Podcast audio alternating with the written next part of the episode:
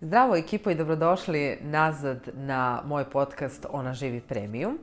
A, s obzirom da me nije bilo već unazad duže vreme zbog privatnih razloga jer imala sam obaveze oko dece, A, I mojim ženama sam obećala da ću pripremiti webinar na temu insulinske rezistencije i hormonskog disbalansa. Međutim, kako već dugo vremena nisam bila tu, razmišljala sam o tome da je možda ipak bolje da snimim epizodu podcasta koju svi koji žele da čuju nešto više na tu temu mogu da čuju, da ne bude to jednostavno u toj nekoj formi webinara, onako nekako formalno, nego baš bukvalno ono što želim da ispričam, ispričam zapravo na jednom ovakvom videu ili podcastu, zavisi gde me ko prati, da bude dostupno svima. Tako da, um, ono što je većinu mojih žena ovaj, zanimalo jeste upravo tema insulinske rezistencije i hormonskog disbalansa, a kako je to neko i moje prethodno iskustvo koje sam ja unazad imala zapravo bilo upravo a, ta problematika e, imam dosta i da kažem na tu temu. A, ono što a, želim negde kao disclaimer da kažem, a, a što ćete čuti jel, u nastavku ovog videa, jeste da je sve ovo što ćete čuti zapravo negde rezultat e, mog istraživanja na tu temu šta je tu pozadina svega toga, šta se nalazi iza insulinske rezistencije i zašto je to baš tako kod žena da se često insulinska rezistencija manifestuje kao hormonski disbalans, sindrom policističnih jajnika i generalno kod žena stvara poteškoće sa neplodnošću. Ovaj, zbog čega je to tako, kao što sam rekla, to je negde nešto što je mene zanimalo, šta je to tačno što se događa u mom telu, pa sam ja negde a, radila a, raznorazne istraživanja šta je to u pozadini. I naravno, a, hoću da kažem, znači sve ovo što ja budem rekla, uzmite sa rezervom, najbolje bi bilo da vi isto tako sprovedete neka vaša istraživanja i da na osnovu toga što čujete od mene ili što čujete na nekom još drugom mestu, a, onda donesete zapravo šta je istina za vas od svega toga, znači u odnosu na to kako, kakva je vaša situacija sa ovom diagnozom i sa čime se vi susrećete kao problem. Elem, da ne dužimo sada dalje više ovaj, o svemu tome, hvala vam prvo što ste ponovo sa mnom. Za vas koji ste prvi put ovde, ja se zovem Bojana, takođe imam dijagnozu insulinske rezistencije I a, ovde govorim upravo o tome kako da promjenom ishrane rešite sve one probleme koje eventualno imate kao posledicu insulinske rezistencije i kako da stavite insulinsku rezistenciju pod kontrolu.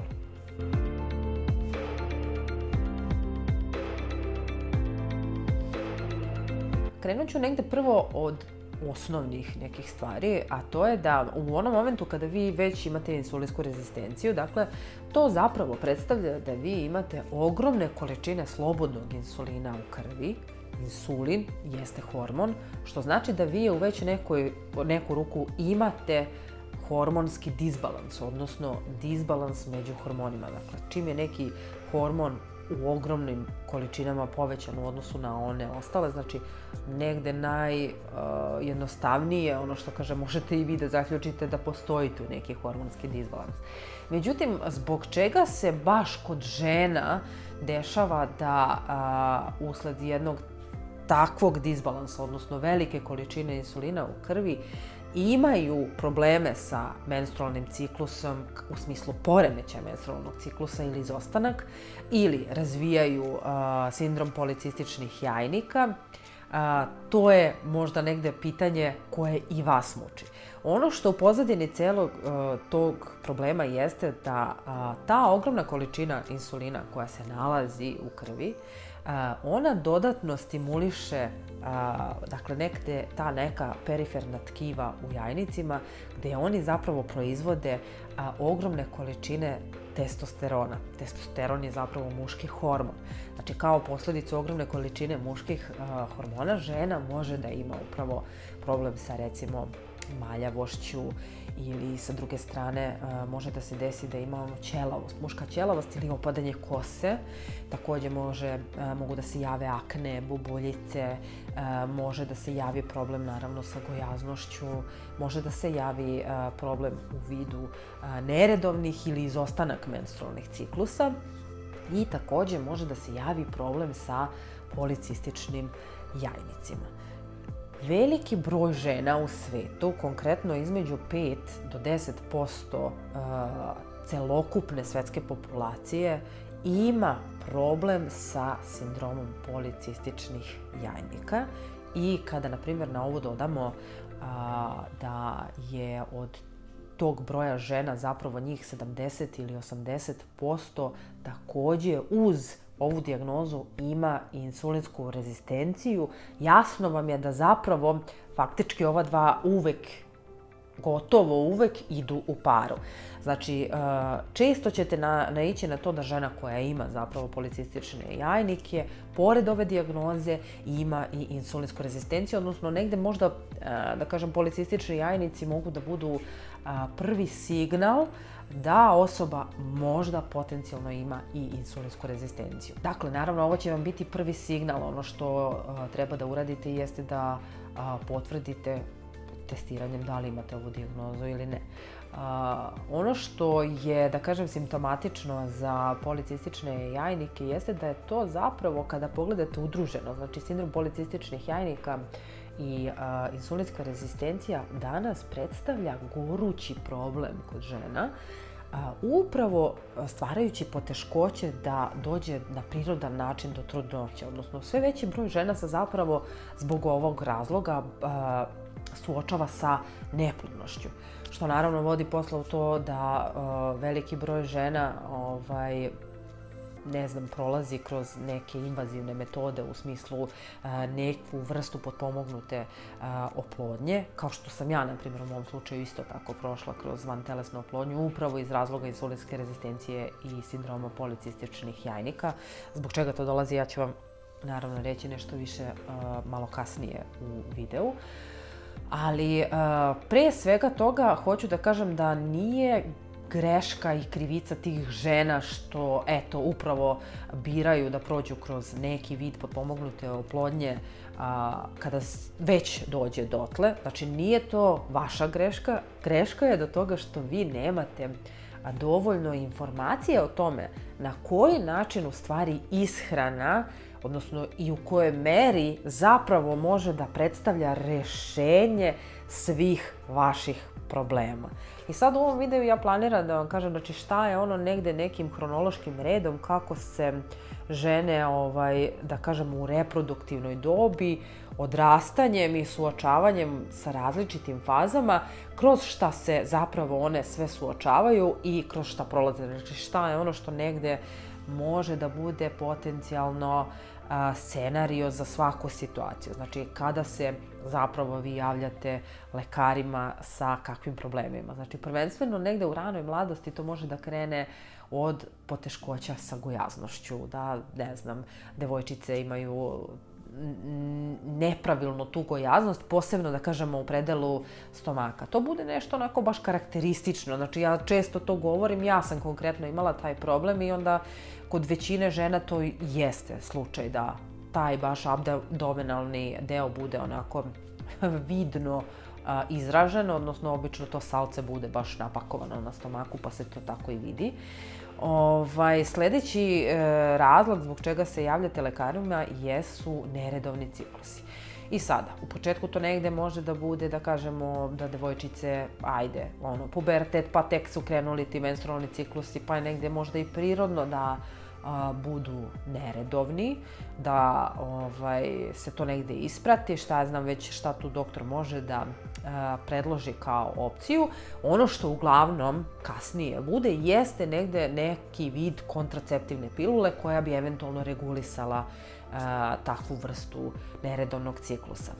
Nakon toga, ono sa čime žena može da se suočava jesu upravo uh, policistični jajnici, odnosno uz izostanak menstrualnog ciklusa, izostanak ovulacije, koji se dešava kod sindroma policističnih jajnika, zbog čega žena zapravo i ima poteškoću da ostane u drugom stanju. Jer kada vi imate sada problem, na primjer imate dugo neredovne cikluse, ne znate kada ćete čak ni da imate taj vaš ciklus, vi zapravo ne znate ni kada imate ovulaciju, što samim tim predstavlja veću, veće otežanje do toga da planirate tu trudnoću, da znate tačno kada zapravo vi treba da imate te ciljane odnose, što naravno rezultira time da se vaša željena trudnoća odlaže, da imate poteškoća u tom, u tom smislu, zbog čega se sigurno većina vas obrati lekaru i ono što potencijalno, opet kaže, može da bude kao negde neki predlog, jeste da se a, takođe piju hormonske pilule, u ovom smislu to obično bude recimo klomifen. Klomifen je taj koji zapravo izaziva a, kod žena ovulaciju i proizvodnju tih jajnih ćelija, što neretko a, a, rezultira a, blizanačkom trudnoćom, jer oslobodi se više jajnih ćelija istovremeno, pa zapravo dođe do oplodnje ovaj, obično obe, pa onda kod nekoga to bude, jel, ovaj, neko možda to voli, raduje se, pa bude i srećan, ali svakako to predstavlja, da kažem, jedno, jedan izazov i jedno otežanje. Znači, nije a, svaka blizanačka trudnoća jednostavna, uglavnom je to, da kažem, više rizična trudnoća u odnosu na trudnoću sa jednim, jednom bebom, je tako? Naravno, kao krajnji ishod cele ove priče, ono kroz šta žena može da prođe, kao što sam već e, rekla, jeste neki vid potpomognute oplodnje, odnosno prethodno to bude onaj a, inseminacija, pa ako ne prođe uspešno, onda nakon toga se predlaže vantelesna oplodnja. E sada, ovo je, kao što sam rekla više puta, ovaj, e, moja životna priča, znači nešto o, kroz što sam ja iskustveno prošla da bih dobila svoju decu, ali ono što ja tada nisam znala jeste da a, samo promenom ishrane u ogromnoj meri mogu da utičem na to da zapravo a, dovedem svoje telo u hormonski balans i da sačekam da na prirodan način dođem do ostvarivanja trudnoće. Znači, možda kod sad vas koji mene slušate nije situacija došla dotle da vi razmišljate o trudnoći, ali imate neredovne cikluse. Isto tako, ako imate dijagnozu insulinske rezistencije i neredovne cikluse, dakle ono što vama promena ishrana može da, da donese kao još jedan rezultat jeste da stavljanjem insulinske pod kontrolu zapravo možete da postignete to da vratite vaše cikluse u red, odnosno da imate redovne, ono jednomesečno na 28 dana, uglavnom žene koje nisu imale redovne cikluse, jako brzo a, primenom ishrane sa niskim unosom ugljenih hidrata, već, da kažem, negde nakon mesec dana, dolaze do toga da imaju posle toga svoje redovne menstrualne cikluse. Ja znam koliko to može da bude frustrirajuće za nekoga od vas koja, ko, ne znam, prosto ima ciklus jednom u tri meseca i ne može na osnovu toga ni da planira gde će da putuje, kada će da putuje, kada će da uzme godišnji odmor, neke važne svoje obaveze, datume, proslave, šta ja znam. A, posebno kada dođete u situaciju da planirate trudnoću, naravno, znači samim tim čim je nešto neredovno, apsolutno ne možete da uhvatite vaš tok a, ovulacije i da imate ciljane odnose da bi zapravo došlo do trudnoće, što može da vam takođe predstavlja jedan vid otežanja. E, ono što je meni ishrana i ženama koje su bile na mom programu ishrana donela, e, u mom slučaju, dakle, e, već nakon tri meseca, što se tiče sindroma policističnih jajnika, ja sam imala izuzetno dobre rezultate u smislu poboljšanja. Znači, moja slika, odnosno slika mojih policističnih jajnika je bila mnogo, mnogo bolja nego a, pre promene ishrane, odnosno onom momentu kada sam došla da se bavim ovom, ovim problemom. A, znači, negde neki optimalan period koji je potreban da se reguliše sindrom policističnih jajnika upravo jeste od 3 do godinu dana. Znači, a, kada pogledate, kada žena koliko dugo već unazad recimo može da potencijalno ima problem. Šta je tri meseca ili čak i godinu dana a, vremena da vi date sebi da na prirodan da, način ostvarite trudnoću, nego šest godina koje su bile u mom slučaju, koje su prošle, da ja nisam ovaj, dolazila, nijednom nije došlo čak, spontano da ostanem u drugom stanju, znači nijednom. Tako da, ovaj, stvarno taj period je jako kratak. Znači, opet kažem, ovo je nešto što sam ja tek kasnije uh, saznala i zbog čega jesam prošla kroz postupak vantelesne oplodnje. Ono kako konkretno uh, insulinska rezistencija i hormonski disbalans mogu da utiču na primer uh, na ženu koja je u reproduktivnoj dobi jeste upravo to, znači prvenstveno uh, neredovnim menstrualnim ciklusima, izostanak ovulacije, što samim tim rezultira i time da ima borbu sa neplodnošću. Sledeći problem koji može da bude jeste problem u trudnoći. Dakle, insulinska rezistencija i sindrom policističnih jajnika izuzetno mogu da utiču na razvijanje bebe u stomaku uh, i mogu da uzrokuju uh, rane pobačaje. Tako da uh, ovo takođe može da bude uzrok pobačaja ako se suočavate sa tim, dakle insulinska rezistencija i sindrom policističnih jajnika. E, kod žena koje su, da kažemo, u nekoj zrelijoj dobi ili možda ajde u menopauzi već, e, ono kako insulinska rezistencija i sindrom policističnih jajnika, odnosno hormonski disbalans mogu da utiču na njih, jeste da ih dovode u veću opasnost od kardiovaskularnih problema, visokog pritiska, masne jetre, problem sa prekidanjem u toku, prekidanjem disanja u toku sna, odnosno noćnom apneom. Obično žene mogu da imaju i ove probleme. I takođe mogu da imaju problem sa depresijom i anksioznošću, znači malo je više da utiču i na psihu kod žena u ovoj dobi. U svakom slučaju ja mislim da insulinska i hormonski disbalans mogu da utiču, znači nevezano da li je to sad žena koja je u reproduktivnoj ili žena koja je u zrelim godinama, ja mislim da i tekako ova insulinska rezistencija utiče. Dakle, ono što doktori, kao što sam rekla, uglavnom kada se obratite njima, posežu jesu medikamenti, jesu nekakve hormonske terapije. Međutim, te hormonske terapije nisu baš najbolje rešenje, jer iza svake hormonske terapije postoji, znači ono, na šta ona deluje, ako je za nešto dobro, na nešto deluje i loše.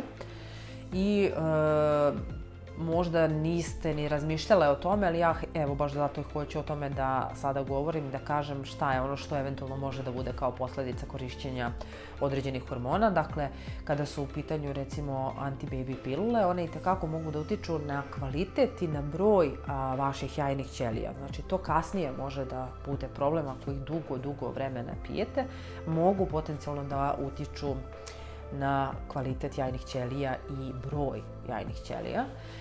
Zatim, svi ti generalno veštački hormoni mogu da stvaraju različite probleme u smislu razvijanja karcinoma. I ovo je, na primer, posebno se povezuje sa ženama koje su prošle kroz niz ciklusa vantelesne oplodnje, jer posebno u takvim situacijama žena bude stimulisana uh, sa ogromnom količinom hormona koja je potrebna prosto da bi se žen, žensko telo pripremilo za ceo taj postupak. I neretko takve žene a, kasnije imaju problem sa, ne znam, karcinomom dojke ili a, nekim vidom karcinoma a, znači, koji je vezan za reproduktivno žensko zdravlje.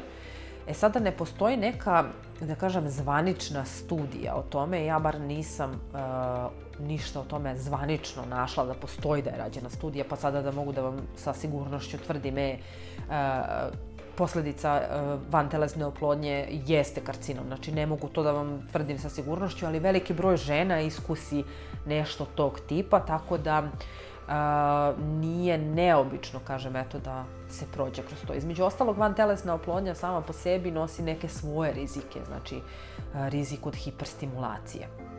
I a, ono takođe što doktori mogu da vam a, preporuče, jeste naravno ako ste gojazni da obavezno morate da redukujete vašu kilažu i ovo je posebno važno kod žena ko, kada ostanete u drugom stanju. I neretko i ovde sada imate ne, negde slučajeve sa, da kažem, neprijatna iskustva gde doktori onako umeju baš da budu malo i grubi i da malo ne vode računa o tome na koji način vam to saopštavaju, već onako da budu, e, moraš da smršaš i vidi se na što ličiš, onako baš da vas povrede, da imate onaj osjećaj da ne znate šta treba da radite, znači, a izađete samo još dodatno uplašeni za svoje zdravlje, što baš i nije lepo, jel, umesto toga da dobijete neki savjet e, kako to tačno treba da se hranite, vi se osjećate lošije i ne znate ni na koja vrata treba da pokucate, jel tako?